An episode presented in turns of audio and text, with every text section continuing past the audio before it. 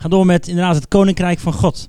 Ehm, afgelopen paar weken hebben we daar al over gehad, naar gekeken. Dit is waar Jezus passie voor heeft. Dit is waar hij vol van is. Dit is wat hij uitleeft, waar hij het over sprak en waar hij naar handelde.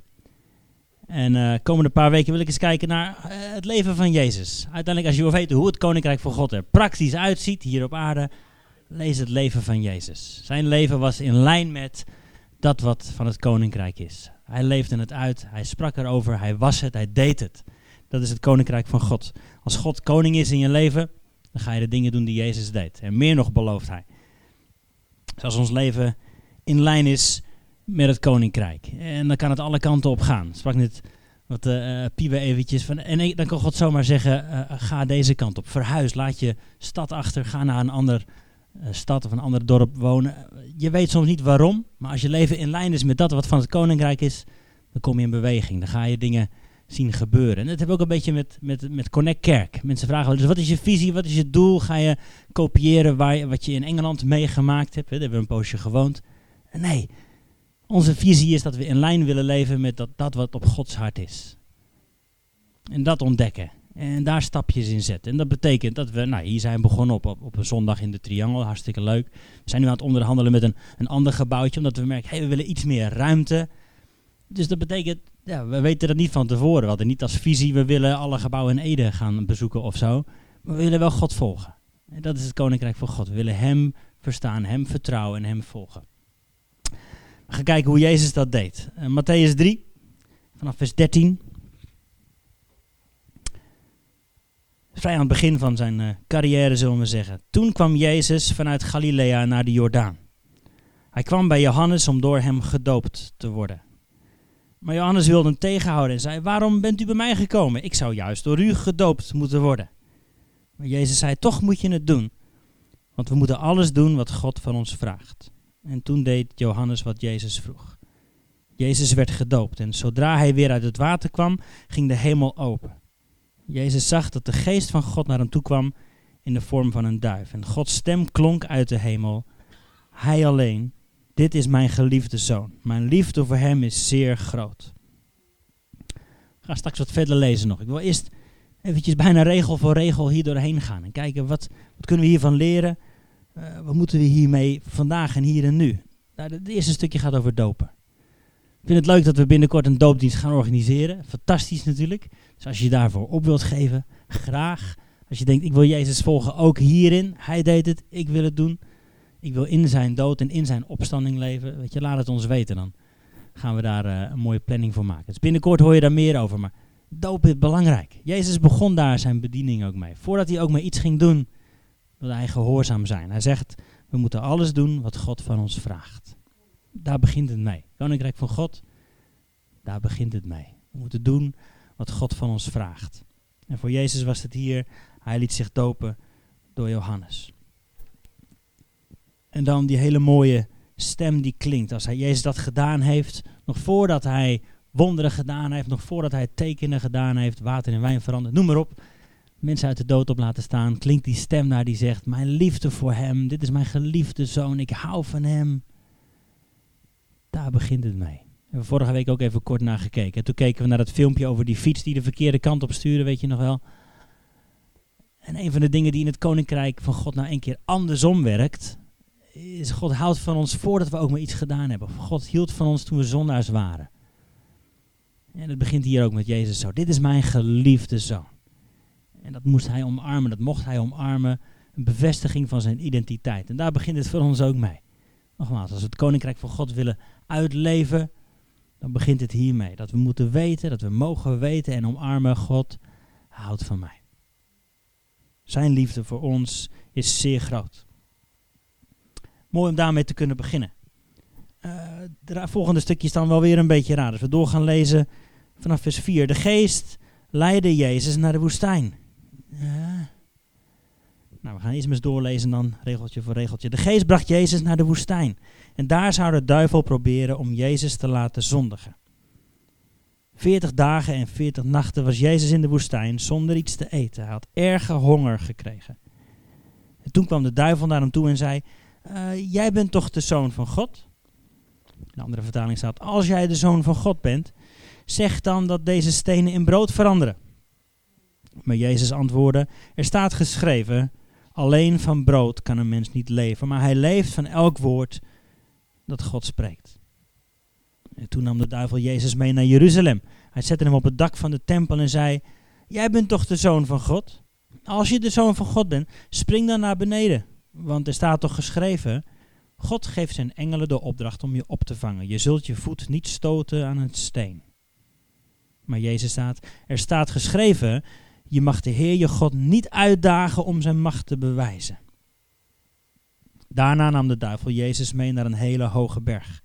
Hij liet hem alle machtige koninkrijken van de wereld zien en hij zei, ik geef jou al die koninkrijken, maar dan moet jij voor mij knielen en mij eren. Toen zei Jezus, ga weg Satan, er staat geschreven, kniel alleen voor de Heer je God en vereer alleen Hem. Toen ging de duivel weg en er kwamen engelen om voor Jezus te zorgen. Even dat eerste vers. De geest leidde Jezus naar de woestijn. Eh, daar snap je toch niks van.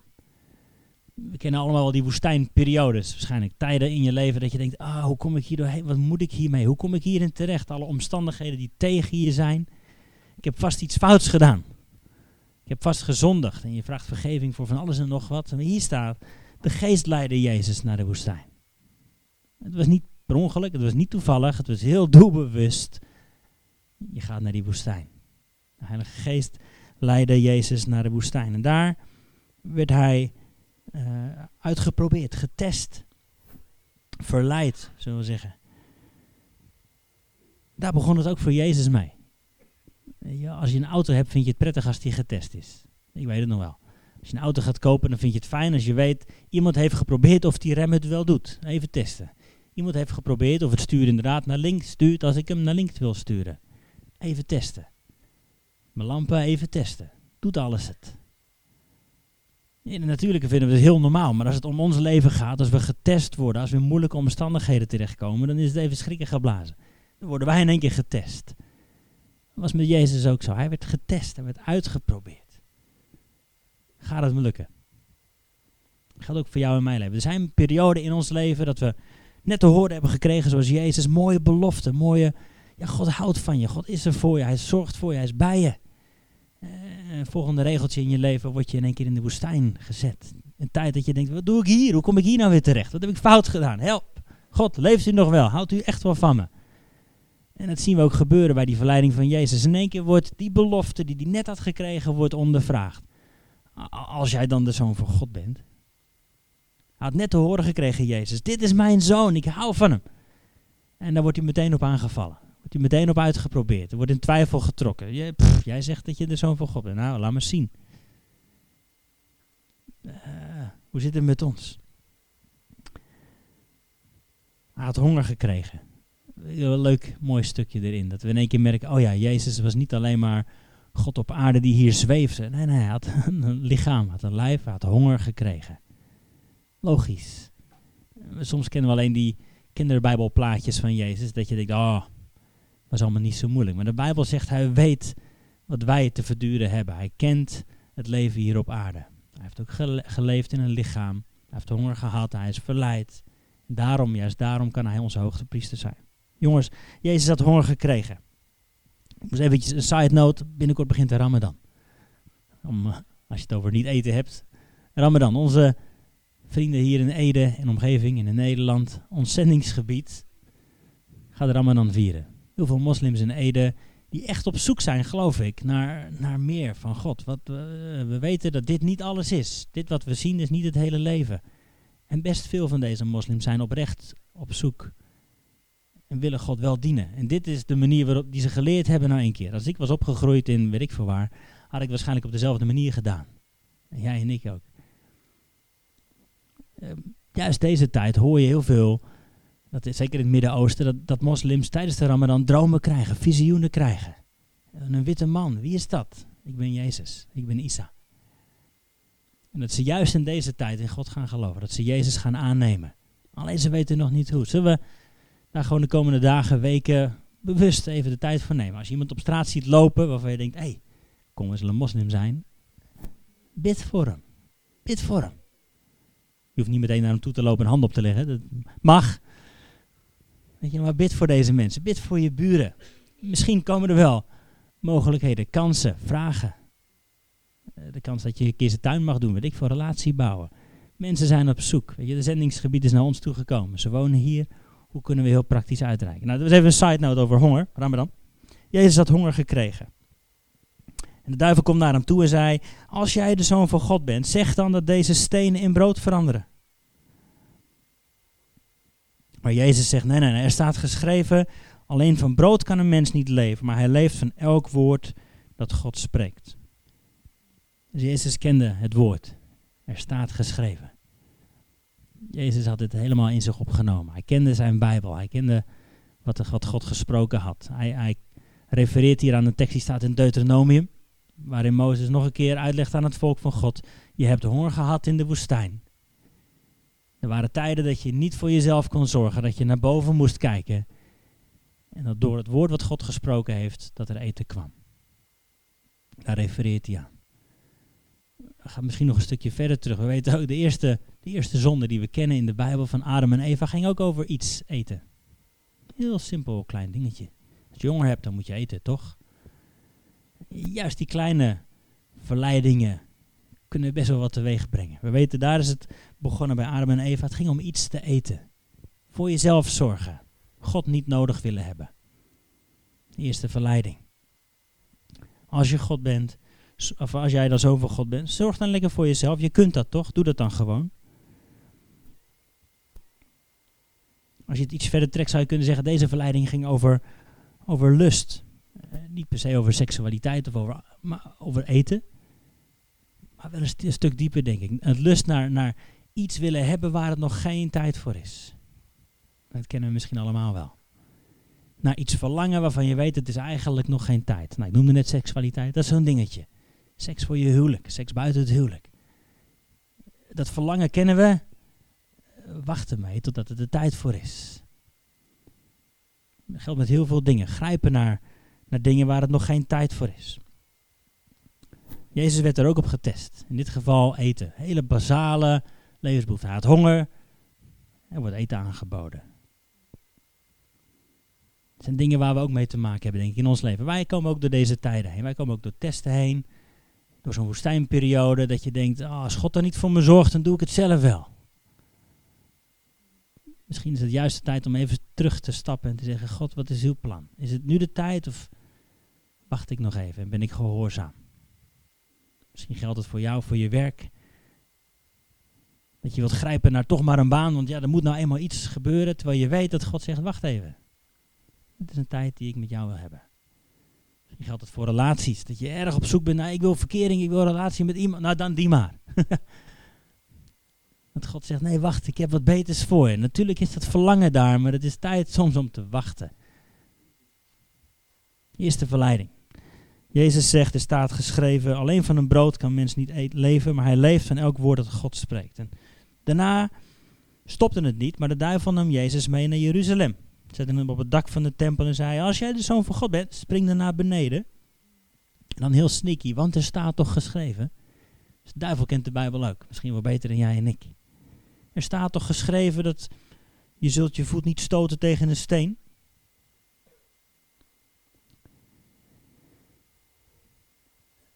Ik zat hier een beetje over na te denken, waar gaat het hier nou in essentie om? Gaat het over, over God vertrouwen of zo? Van, uh, als ik spring, dan vangt hij me wel op.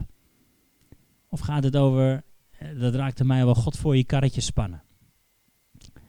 We kennen allemaal wel die mooie uitspraak, ah, God voorziet. Maar dan is het wel fijn als je weet dat je gaat daar waar God gaat. We hebben allemaal misschien wel domme dingen gedaan. Dat je denkt, oh, God gaat vast voorzien. Dus ik ga mijn eigen gang wel. Ik, ik, koop, ik koop dat, die dure tv, want God voorziet. Of zo, weet je. Dat soort rare gedachtenkronkels waar we zelf in één keer in het centrum staan. God van ons karretje proberen te spannen. En God, u houdt toch van me, dan, dan doet u vast wel dit. God, u zorgt toch voor me, dan geeft u vast wel dit. Jezus zegt, nee, nee, nee. Ga God niet verzoeken. Ga hem niet uitdagen om zijn macht te bewijzen. De duivel is heel sneaky daarin, een halve waarheden. deed hij ook in het begin bij Adam en Eva. En doet hij nu nog steeds. Halve waarheden. Dat je denkt, het klinkt wel oké. maar ben je afgestemd op dat wat God aan het doen is? God voor je karretje spannen. Daar zijn we heel goed in, denk ik, met z'n allen. Ik ook. Stappen in geloof nemen. Maar zonder dat je precies weet, God heeft me hier gestuurd. Hoe was de, was de vergelijking gehoord van een, van een soldaat die zegt, ja nee, nee, nee, mijn, mijn, uh, mijn generaal die zorgt voor mij. Maar dan moet hij wel weten waar je bent. Als, hij je op pad heeft gestuurd, dan zorgt hij natuurlijk voor je. Maar als hij je niet op pad heeft gestuurd en je gaat zelf die kant op rennen, ja, dan ben je zelf verantwoordelijk, vriend. Natuurlijk houdt God van ons. We moeten wel op Hem afgestemd zijn. Nogmaals, waar we over begonnen, willen in leven in lijn met dat wat God aan het doen is. En niet ons eigen lijntje gaan trekken. Onder het mom van een mooi christelijk sausje, Hij zorgt voor ons of Hij is bij ons. Laten we God niet voor ons karretje spannen. Hij staat in het centrum. Hij is God en wij niet. Daarna gaat het door. Daarna nam de duivel Jezus mee naar een hele hoge berg. En hij liet hem alle machtige koninkrijken van de wereld zien. En hij zei, ik geef jou al die koninkrijken. Maar dan moet je wel voor mij knielen en mij eren. Eh, de duivel heeft inderdaad die macht over die koninkrijken. Staat er. En hij had het zomaar kunnen doen. En ook dit was zo'n uitdaging van grijpen. Jezus weet, of hij wist toen ook al, uiteindelijk zal ik regeren over dit alles. Maar niet op deze manier en niet hier en nu nog. Een verleiding naar macht, een verleiding naar een plek. Was die uitspraak gehoord van als je wil weten hoe een mens echt in elkaar zit, wat zijn karakter echt is, dan moet je hem niet arm maken. Nee, dan moet je hem juist rijk en machtig maken en kijken wat er dan gebeurt. als je van voetbal houdt net zoals ik, dan zie je wat er gebeurt met uh, meneer Blatter bijvoorbeeld. FIFA, heel veel macht dat corrumpeert wel als je niet uitkijkt.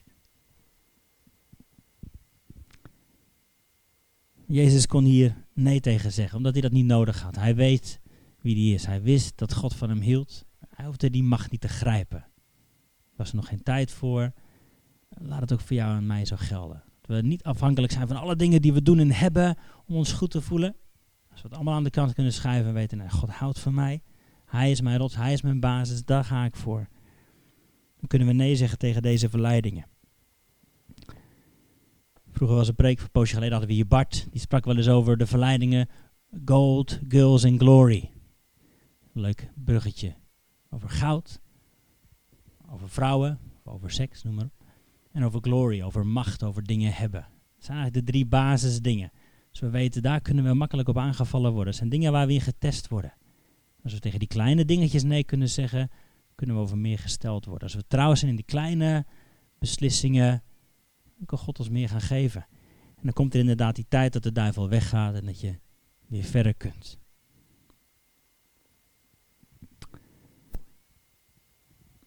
Even tot hier, even op ons in laten werken. Deze verleidingen van Jezus, hier begint het meest. Voordat hij zijn bediening inging, werd hij getest. En die tijden zijn er ook voor jou en voor mij. En hoef je niet slecht te voelen, dan ben je geen slechte christen. God heeft, je oog op jou, heeft zijn oog op jou. Eh, maar er zijn wel dingen die veranderen mogen. En we het vorige week over hadden, over die man die, die leerde te fietsen op een, een fiets die precies andersom stuurde. Als hij naar links stuurde, ging zijn fiets naar rechts. Dat was voor hem een persoonlijke uitdaging om dat te kunnen leren. Maar dat betekende dat hij een heleboel dingen moest afleren.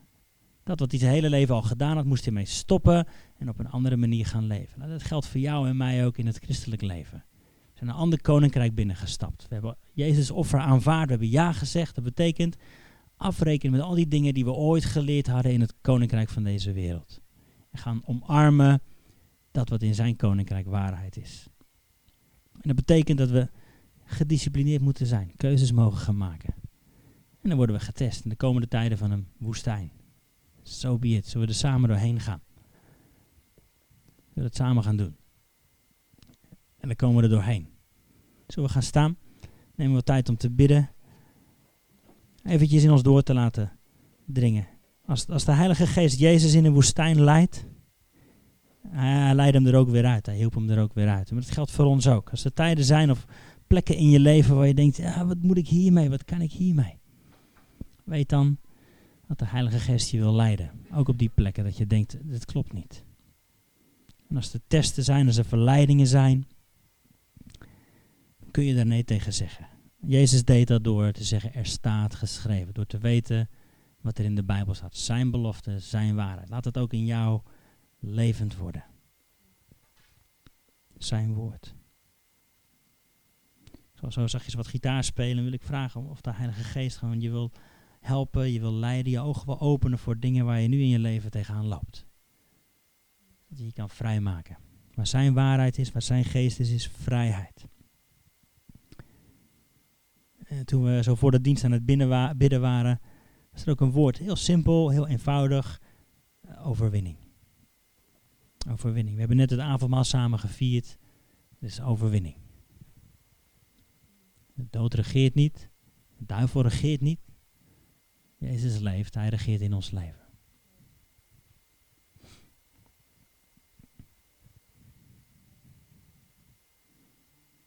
Heilige Geest, we u uit om uw werk te doen.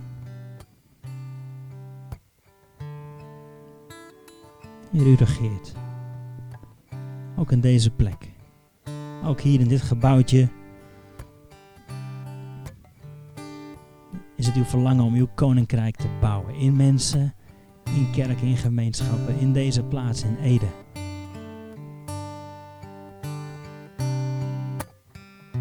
Heer, we hebben besloten, we willen achter Jezus aan. No turning back.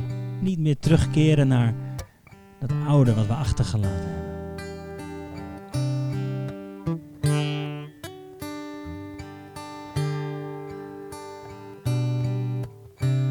Heer, u kruist het voor ons ogen. U heeft de weg gebaand. Er is vrijheid in uw naam. Misschien kunnen we heel eenvoudig onze handen opheffen. Nogmaals ontvangen. God, dank u wel dat u alles gedaan heeft wat gedaan moest worden om ons vrij te maken.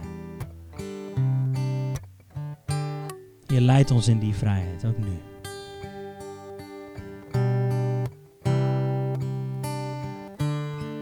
Je maakt ons vrij van die dingen die ons vasthouden. En die wij misschien nog wel stevig vasthouden. Waar we in getest mogen worden. Hier, of het nou is aan onze spullen, of aan posities, aan een manier van leven zoals we die nou eenmaal gewend waren. Heer, we willen zeggen, u bent zoveel meer waard dan dat. We willen leren om dat los te laten voor uw koninkrijk. Uw wil geschieden, uw koninkrijk komen. In ons midden, in mijn leven, in ons leven.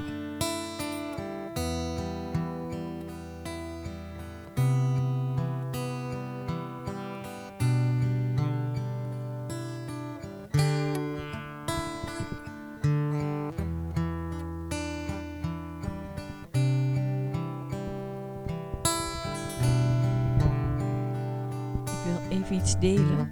Dat heb ik niet uit mezelf, dat heb ik gehoord in de preek van iemand anders. Johannes doopte en de mensen uit de omgeving, verre omgeving, kwamen en ze beleden hun zonde en dan werden ze gedoopt. Jezus kwam en die wilde gedoopt worden in het water waarin de anderen ondergedompeld waren vanwege hun zonde, werd Jezus ondergedompeld zonder zonde. En ik vind gewoon dat betekent voor ons, hij was de eerste, hij nam onze zonde als het ware op in zich op toen hij gedoopt werd. In het water dat gebruikt werd door God om de anderen van hun zonde te reinigen. Jezus werd daarin de eerste. Is iets om over na te denken.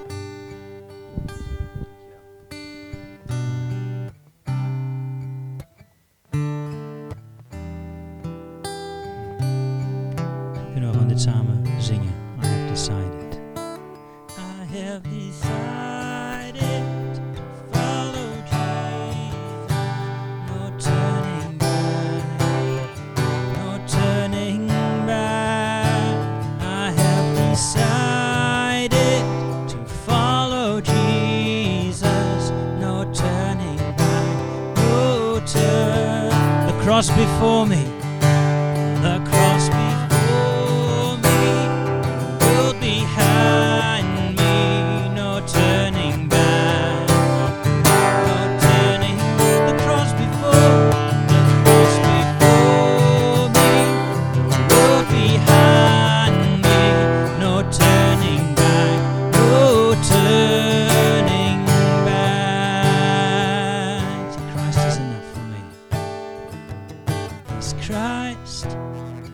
Is